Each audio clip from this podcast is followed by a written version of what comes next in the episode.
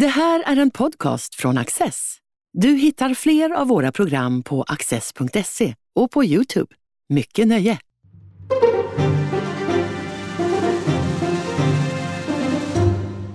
Välkomna till Studio Access.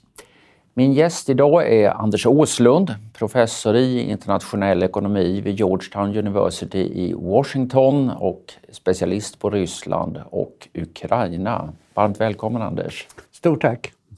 Vi spelar in det här ska jag säga på förmiddagen onsdagen den 4 maj och det har precis blivit känt att eh, Ursula von der Leyen har hållit tal i Europaparlamentet och annonserat ett, eller föreslagit eh, ett nytt sanktionspaket som blev det sjätte paketet då, eh, som rör oljeimport. Det ska bli stopp för oljeimporten. Eh, det är ytterligare banksanktioner och sanktioner mot ytterligare en grupp eh, individer, däribland patriarken Kirill. Kommentarer till detta? Ja, jag tycker att det är utmärkt och det är vad vi förväntar oss. Eh, vad vi har sett sedan den 24 februari det är att Europa har kommit tillsammans och det har kommit tillsammans med USA. Hela det kollektiva väst har kommit tillsammans mer än någonsin. Vi ser att det nu även omfattar Japan, Sydkorea och, eh, och Australien och förstås eh, Kanada. Så väst står enat eh, mot eh, eh det numera helt auktoritära och kleptokratiska Ryssland. Och eh, de här sanktionerna de går bara vidare. Så först hade vi kraftiga finanssanktioner. Nu har de blivit ännu starkare. Och framförallt att man skurit av eh, eh, det ryska banksystemet i huvudsak från det internationella banksystemet och att väst har frusit 300 miljarder dollar utav ryska centralbanksreserver. reserver. Och det andra det är att eh, man har nu infört stora handelssanktioner. Och det viktigaste här är att Ryssland inte längre kan importera vad man behöver för att kunna producera. Så successivt så kommer väldigt mycket av den ryska produktionen att avstanna. Eh, man har inte eh, halvledare, därför så kan man inte eh, tillverka bilar eller stridsvagnar eller missiler. Man har inte olika kemikalier, så man kan inte producera hygienprodukter och inte ens eh, papper och så vidare. Så att det här kommer att slå mycket hårt mot rysk industri. Hur svårt vet vi inte än, men det här kommer att gå vidare och vidare.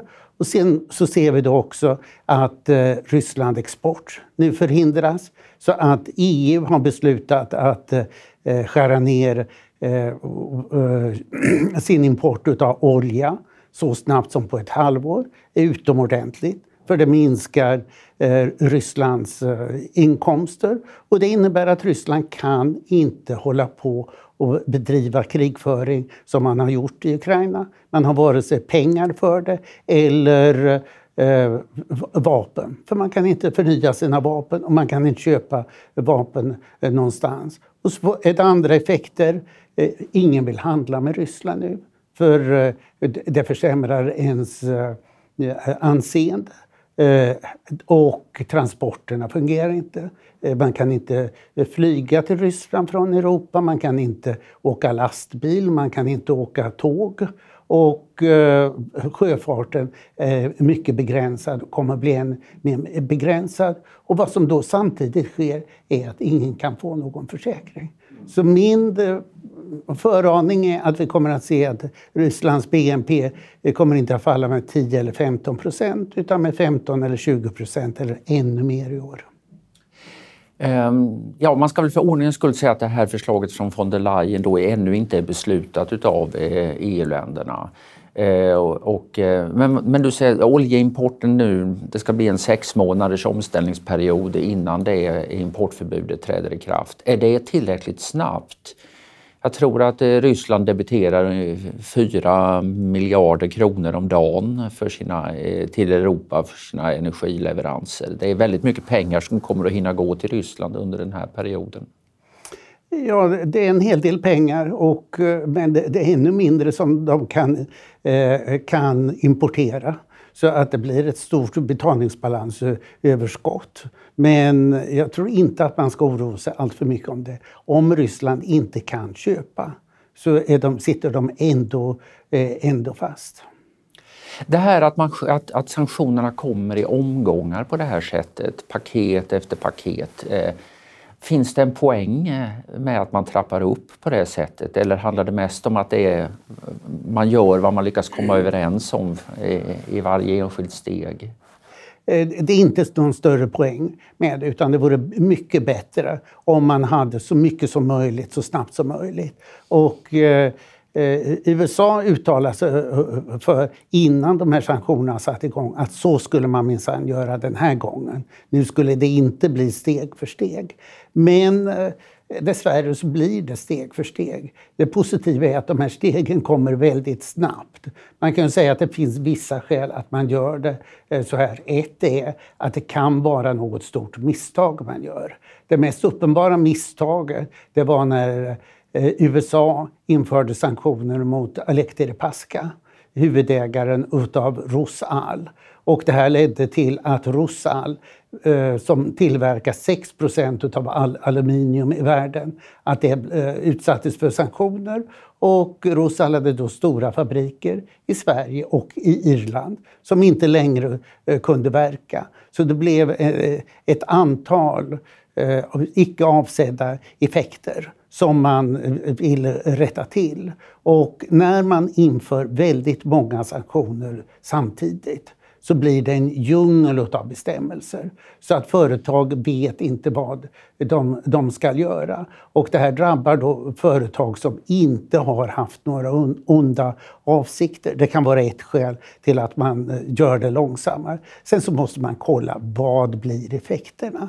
Och det, det tar, eh, tar tid. Och när det gäller att eh, eh, införa sanktioner mot enskilda personer så måste jag se till att man får rätt eh, personer. Det har hänt att man har stavat fel och eh, eh infört sanktioner mot någon som inte skulle bli eh, sanktionerad. Så det, det är mycket som måste, måste kollas innan man inför några sanktioner. Och då tar det lite tid dessvärre. Inom freds och konfliktforskningen finns en föreställning om att sanktioner inte får så stor effekt. Eh, vad är din kommentar till det? Det finns rätt stora eh, empiriska undersökningar om när sanktioner fungerar. Okay? Så att det är då eh, hundratals sanktioner som har införts eh, eh utav väst eller eh, FN eller USA efter andra världskriget. Och då kan man se att vissa sanktioner är mer effektiva än andra. Ju fler som deltar, desto bättre. Det bästa är om det är FN självt som inför eh, sanktionerna. Ju mer specifikt eh, eh, avsikten är, desto bättre. Eh, ett paradexempel är att avskaffa apartheid i Sydafrika. För det var inte ett regimskifte i sig, utan det var att man skulle avskaffa en specifik eh, policy, som i och för sig var viktig. Eh, då, då är det eh, lättare.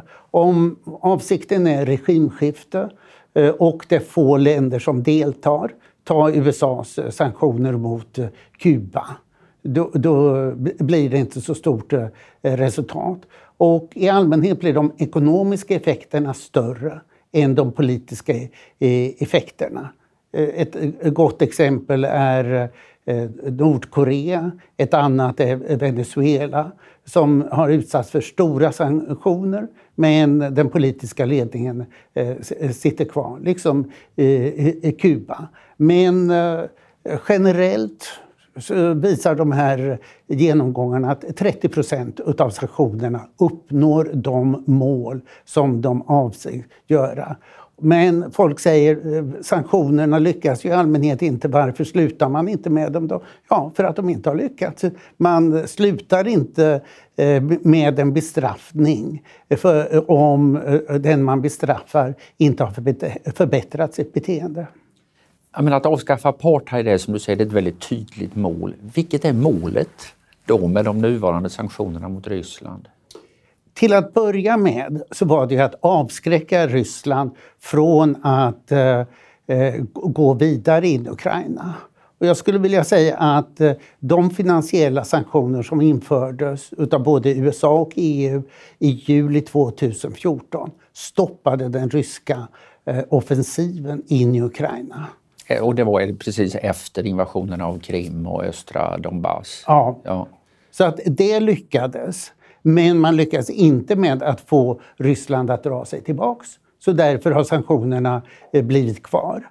Och efter 2014 så har vi hört eh, gång efter annan att nu ska vi få sanctions from hell, fruktansvärt svåra sanktioner. Och det har egentligen inte blivit någonting. Så att eh, allt det här pratet, både av politiker och eh, journalister, om att det skulle bli oerhört svåra eh, sanktioner och så blev det ingenting. Det har undergrävt trovärdigheten hos sanktionerna och därför har de inte varit avskräckande. Så när president Biden sa här att nu ska vi införa mycket svåra eh, sanktioner om Ryssland eh, attackerar Ukraina. Uppenbarligen trodde eh, president Putin inte alls på detta och brydde sig inte om det. Nu visar det sig att de här sanktionerna var mycket hårda och nu har de ett annat syfte. Nu säger amerikanerna framför allt mycket klart avsikten med de här sanktionerna är att försvaga Rysslands ekonomi så mycket att Ryssland inte längre kan bedriva angreppskrig som det nu gör mot Ukraina. Och Biden lekte väl i något läge också med att eh, syftet var att byta regering i Moskva? Ja, och eh, jag måste säga att jag tycker att det är riktigt. Putin är den största eh, Eh, krigsrisken vi har i Europa. Och Ryssland idag är en eh, declining power. Och eh, Österrike och Ungern var en för, eh, allt försvagad makt när första världskriget eh, började. Och tänk på att det var Österrike och Ungern som deklarerade krig mot Serbien. Det var så det första världskriget började. Det var inte Tyskland som började kriget utan dess eh, mycket svaga eh, partner. Och idag är Ryssland ett land som har haft en stagnant ekonomi sedan 2014. Man skulle nästan kunna säga sedan 2009 och eh, där levnadsstandarden bara faller på grund av att president Putin bryr sig inte om sitt land eller sin folk, sitt folk. Han är bara intresserad av sig själv eh, eh, och, hans förmögenhet och hans närmaste. Hur mycket är, det där är ett materiellt intresse, det är ett maktintresse han ägnar sig också en del numera åt ideologiproduktion och skrev någon lång essä i fjol om att Ukraina egentligen inte existerar utan bör ses som en del av Ryssland och så vidare. Och man pratar mycket om de här nationalistiska ideologerna som är, och hur stort inflytande de har. Hur, hur stor roll tror du det där spelar i hans föreställningsvärld? Jag tror att det är på något sätt en självförsvarsmekanism. Eh, folk vill inte säga jag vill vara diktator och jag vill vara eh, eh, så rik som möjligt utan de vill säga att de arbetar för ett större syfte. Eh, så att det finns då en myt om det stora Ryssland. Om man jämför eh, eh, Putin och Hitler. Hitler talar om tusenårsriket som något kommande. Putin talar om tusenårsriket som någonting som var. Så att han lever väldigt mycket i, i det förgångna, vilket är väldigt konstigt. Och det är eh, även sant om hans eh, nationella säkerhetsrådgivare Nikolaj Patrushev som är ännu konstigare än, än Putin och det är tydligen hans närmaste Eh, rådgivare. Så de här två männen sitter då i Putins bunker och eh, eh, talar om Rysslands storhetstid under Ivan den förskräcklige och Katarina den stora. Det är inte tal om de liberala tsarerna Alexander den första och Alexander den andra har ingen plats i, deras värld utan det är bara de grymma och expansiva eh, tsarerna eh, som eh, de eh, tänker på. Och ska, Men, man, och ska man få, tillbaka, få, få till ett tusenårsrike genom att räkna bakåt i tiden då måste man ha med Kievriket och, och Ukraina. Så det skulle kunna vara ett skäl. Ja, det här är då en fråga där folk har olika inställning. De flesta anser att det här neoimperialistiska är viktigare för Putin än jag tror. Och vad man kan se det är att Putin tycker om när länder runt honom är svaga och instabila. Han har inte försökt att lösa någon av de här många frusna konflikterna i Moldavien, i Ukraina, i Georgien. Utan han tycker det är bra om frågor inte löses. Å ena sidan har då väst samlat sig, gått ihop och står fortfarande enat och väst då i vid mening, liksom EU, USA och allierade. Eh, de står bakom sanktionspolitiken, de levererar vapen till, eh, till Ukraina. En stor del av världen har inte anslutit sig till sanktionerna. Kina naturligtvis, men inte heller Indien, Brasilien, Sydafrika och andra stora makter. Hur mycket betyder det? Inte särskilt mycket utav olika skäl. Vi kan se i de här eh, eh, stora FN-omröstningarna så har eh, de andra länderna varit helt spridda i tre grupper. De mest diktatoriska som röstar med Ryssland, men det är bara två dussin. Och sedan de flesta avstår och ett stort antal demokratier. Eh, I tredje världen röstar med, väst. Så att väst har samlats men resten av världen har splittrats. Så det, den första observationen. Den andra är att eh, eh, Kina är mycket försiktigt så att inte drabbas av amerikanska sanktioner på grund av att det hjälper Ryssland. Så till exempel när Ericsson och Nokia drog sig tillbaks från mobiltelefoniet i Ryssland så gjorde Huawei det omedelbart efteråt för att de var rädda för amerikanska eh, sanktioner. Eh, när eh, eh Mastercard och Visa eh, slutade sina operationer eh, i Ryssland så drog sig eh, kinesiska Union Pay, deras eh, konkurrent, Eh, tillbaks från alla ryska banker som var, eh, utsattes för sanktioner men inte de andra eh, ryska eh, bankerna och så vidare. Så att kineserna är väldigt försiktiga. Till exempel tar de inte mer olja nu från Ryssland för då tror de att de skulle eh, kunna utsättas för nya sanktioner. Eh, Indien å andra sidan, eh, de har mycket mindre handel med Ryssland eh, och de bryr sig inte om vad väst säger. De har traditionellt mycket nära förhållande till Ryssland så det är lite tvärt vad man skulle förvänta sig. För den allmänna synen är att Kina och Ryssland nu står nära varandra. Men det är Kina som är försiktigt medan Indien inte är så försiktigt. Och om alla de här andra länderna har ju väldigt lite handel med Ryssland som spelar inte så stor roll. Så det här att Ryssland om några månader inte kan sälja olja till väst kommer inte som du ser det att kompenseras av att de hittar andra glada eh, köpvilliga kunder? Nej. Och dessutom Eh, man kommer nu att eh, sanktionera eh, shipping och den mesta oljan går genom Baltic Pipeline System till Sankt Petersburg och genom ett antal eh, hamnar runt Sankt Petersburg i små båtar eh, till Rotterdam och sedan i supertankers till hela världen.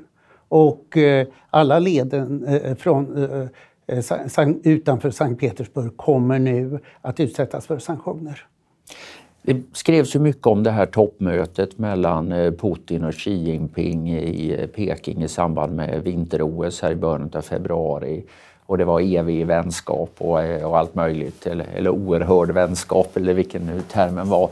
Ehm, tror du att Kinas försiktighet är ett streck i räkningen för Putin? Hade han räknat med att få en starkare backup därifrån?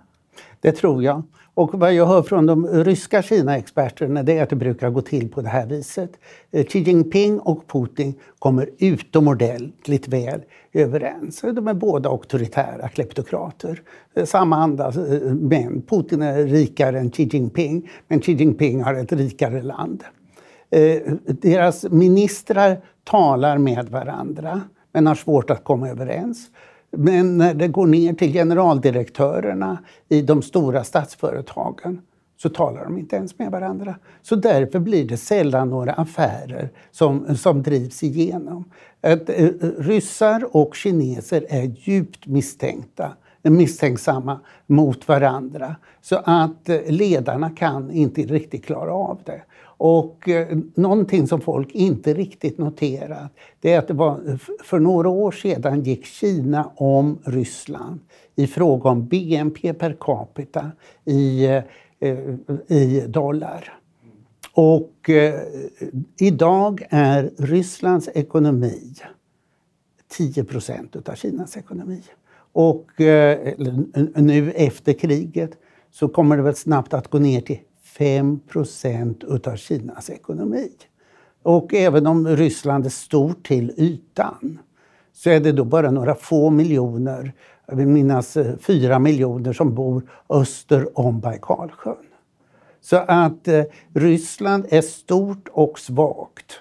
Och eh, jag talade eh, nyligen på ett webbinar med en liberal grupp i Novosibirsk och deras stora farhåga var att Kina skulle ta över eh, Sibirien när Putin faller, vilket de förmodar snart kommer att ske. Mm. Strax efter eh, att invasionen i eh, 24 februari möttes av den första omgången sanktioner så följer rubeln som en eh, sten där.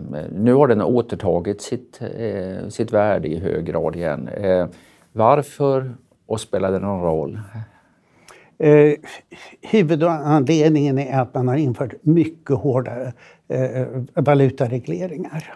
Eh, så att det finns ingen flytande växelkurs längre och eh, det finns ingen fri eh, handel med, med valuta. Det här är en reglerad kurs och vi kommer nog snart att se en svart kurs som kommer mycket annorlunda. Eh, Ryssland hade vissa fria reserver och använde 40 miljarder dollar på fem veckor för att intervenera, för att stödja eh, eh, rubeln. Centralbanken höjde räntan från 9,5 till 20 procent omedelbart. Och sedan har då Ryssland inte kunnat importera medan eh, eh, det har kunnat eh, exportera olja. Så att det har haft valutaintäkter. Så Ryssland hade ett oerhört stort handelsbalansöverskott under första kvartalet i år. Så att det här är det för förklaringar. Men i huvudsak innebär det här kommer inte att hålla. Mm. Kriget har nu pågått i eh, drygt två månader. Det går väl, får man säga, väldigt dåligt för Ryssland på marken. Eh, hela planen i norr verkar ju ha havererat fullständigt så man fick uppfinna så att säga, nya krigsmål under resans gång och, och flytta väldigt mycket styrkor österut. Eh, eh, och lite bättre har det väl gått i söder då så att säga ur ett ryskt eh, perspektiv. Men om man nu, eh, ja, det här blir lite spekulationer naturligtvis, men om du ser, tänker i scenarier eh, framåt, vad är vad finns det för möjliga vägar, händelseutvecklingar? Du kan dela upp det här kriget i två slag. Det första var slaget om Kiev som du nämnde, som eh, Ukraina vann efter eh, eh en dryg månad. Och det, eh, det andra är slaget om Donbass som nu har varit igång i två veckor. Ryssland har icke fått något genombrott. Och det här innebär att de kan inte omringa de ukrainska mycket starka trupperna i centrala Donbass. Och det innebär att Ryssland kommer att förlora det här. Och det innebär att Ryssland kommer att förlora kriget. Så vad jag förväntar mig nu inom de två närmaste veckorna, det är att Ukraina kommer först att skära av de ryska förbindelselinjerna i norr mellan Belgorod i Ryssland och Charkiv. Och sedan i söder eh, Ukraina attackerar nu runt Cherson så att de bryter landbron mellan Krim och Donbass. Och sedan eh, så sätter man igång och rensar ut ryssarna i Donbass. Så att under två veckor så har nu eh, ukrainarna tagit mycket stryk i Donbass. Tot eh, eh, bombardemang från den ryska sidan. Och de, eh, ryssarna har inte lyckats ta sig fram överhuvudtaget. Och det här har då tröttat ut de ryska trupperna. De ryska förlusterna är oerhört stora. Så vad ukrainarna säger det är att de har tagit ut halva den ryska krigsmakt som sattes in i Ukraina. Som är två tredjedelar utav den Eh, totala ryska krigsmakten eh, som eh, faktiskt är tillgänglig och fungerar. För att eh, det här med 800 000 trupper finns inte. 300 000 trupper är vad som faktiskt eh, finns som man kan eh, ställa upp. Och det här innebär att jag förväntar mig att ryssarna inom ett par veckor kommer att springa hem. Och eh, det är uppenbart att ukrainarna icke kommer att acceptera de här så kallade Donetsk och eh, Lugansk folkrepubliker. Eh, för att det här har varit eh, destabiliserande cancerbölder på den ukrainska kroppen. Och det är en samstämmig ukrainsk stämning. Vi kommer att vinna mer än 90 procent av Ukraina anser att de kommer att vinna och att man måste ta tillbaka hela Donbass och Krim. Så, eh, president Zelensky gjorde just ett uttalande eh, om att eh, eh Ukraina måste ta tillbaka eh, Krim. Så att ukrainarna är nu mycket eh, eh, säkra och gå, vill gå vidare. Och vad vi har sett den senaste veckan är att ukrainarna har företagit ett 20-tal bombattentat och eh, ordnat eldsvådor i strategiska tillgångar i Ryssland. Dels eh, runt eh, gränsen, brände ammunitions och bränsledepåer. Dels runt Moskva, strategiska mål som två raketfabriker och eh, dels runt om i landet eh, för att eh, skapa oro. Så att ukrainarna har nu gått på offensiven och det är uppenbart att USA och Storbritannien inte har någonting emot detta. Där USA har nu klart uttalat att vårt mål är att Ukraina ska vinna. Och då frågar journalisterna förstås, men vad betyder att vinna? Och då säger eh, amerikanerna och britterna, eh, eh, eh, det, det, måste ni fråga ukrainarna om, det är de som för kriget. Vi, vi levererar bara vapen. Men du tror på en rysk eh, liksom, ja, reträtt snarare än på det här scenariot som en del är inne på att Putin nu på måndag den 9 maj, segerdagen, ska säga att nu är det slut med den här militära specialoperationen och istället ska vi ha för, förklarar vi krig mot Ukraina därför att då kan vi kalla in värnpliktiga. Och... Jag, alltså trappa upp istället. Ja. Putin är alltid för eskalering. Men eh, han måste ju kunna vinna något. Utspänd mening nu att han kommer att mobilisera, som du säger, den 9 maj. Men det här är väldigt farligt för honom. För att eh, Eh, genom att det här inte eh, definieras som ett krig i Ryssland utan en speciell militär operation. Det innebär att man behöver inte kalla upp folk. Och eh, pojkarna i storstäderna och universiteten krigar inte. Utan det är de stackars pojkarna från landsbygden och i minoritetsområden långt bort i Tjotahejti som tvingas att kriga. Och eh, eh, eh, det här är då i så mått djupt orättfärdigt. Men det innebär för Putins del att han inte har antagoniserat eh, medelklassen. Om medelklassens söner, som inte är så många, tvingas ut i kriget då, då kommer medelklassen att reagera. Mm. Och du tror inte att det kommer att hända? Det är mycket möjligt att Putin gör det, men han är en low slow situation. Att om han kallar upp folk då får han en väldig motvilja i landet. Och dessutom, idag så kan ovilliga eh, soldater säga upp sig. man deserterar inte om man lämnar. Eh, men är det krig så deserterar man och då skjuts man om man eh, lämnar. Och det här skapar då en helt annan spänning. Och eh, gör det mycket farligare. Det är mycket möjligt att Putin eh, gör detta, men då kommer han att förlora än värre. Om han inte gör det så är det uppenbart att han har förlorat. Så det är bara två olika sätt för Putin att förlora. Du har sagt att det här slutar med antingen Putin, eh, ja, regimskifte, att Putin tvingas gå på ett eller annat sätt eller att Ryssland eh, isolerar sig som en sorts Nordkorea. Ja, eh, det är precis vad jag eh, ser det som. Så om Putin sitter kvar så blir Ryssland Nordkorea. För att Putin bara eskalerar. Det förtryck som nu bedrivs i Ryssland är stalinistiskt. Det är värre än under Brezhnev.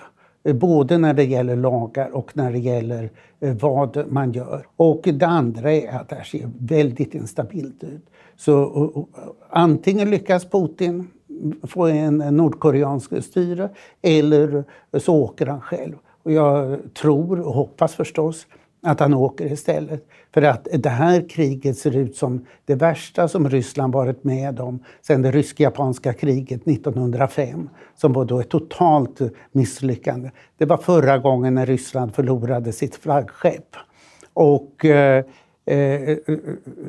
och det andra det är att eh, den ryska ekonomin kommer nu att kollapsa i bokstavlig mening enbart på grund av att Putin har bedrivit en sådan politik. Så eh, min mening är att Ryssland kan inte kosta på sig Putin längre. All right.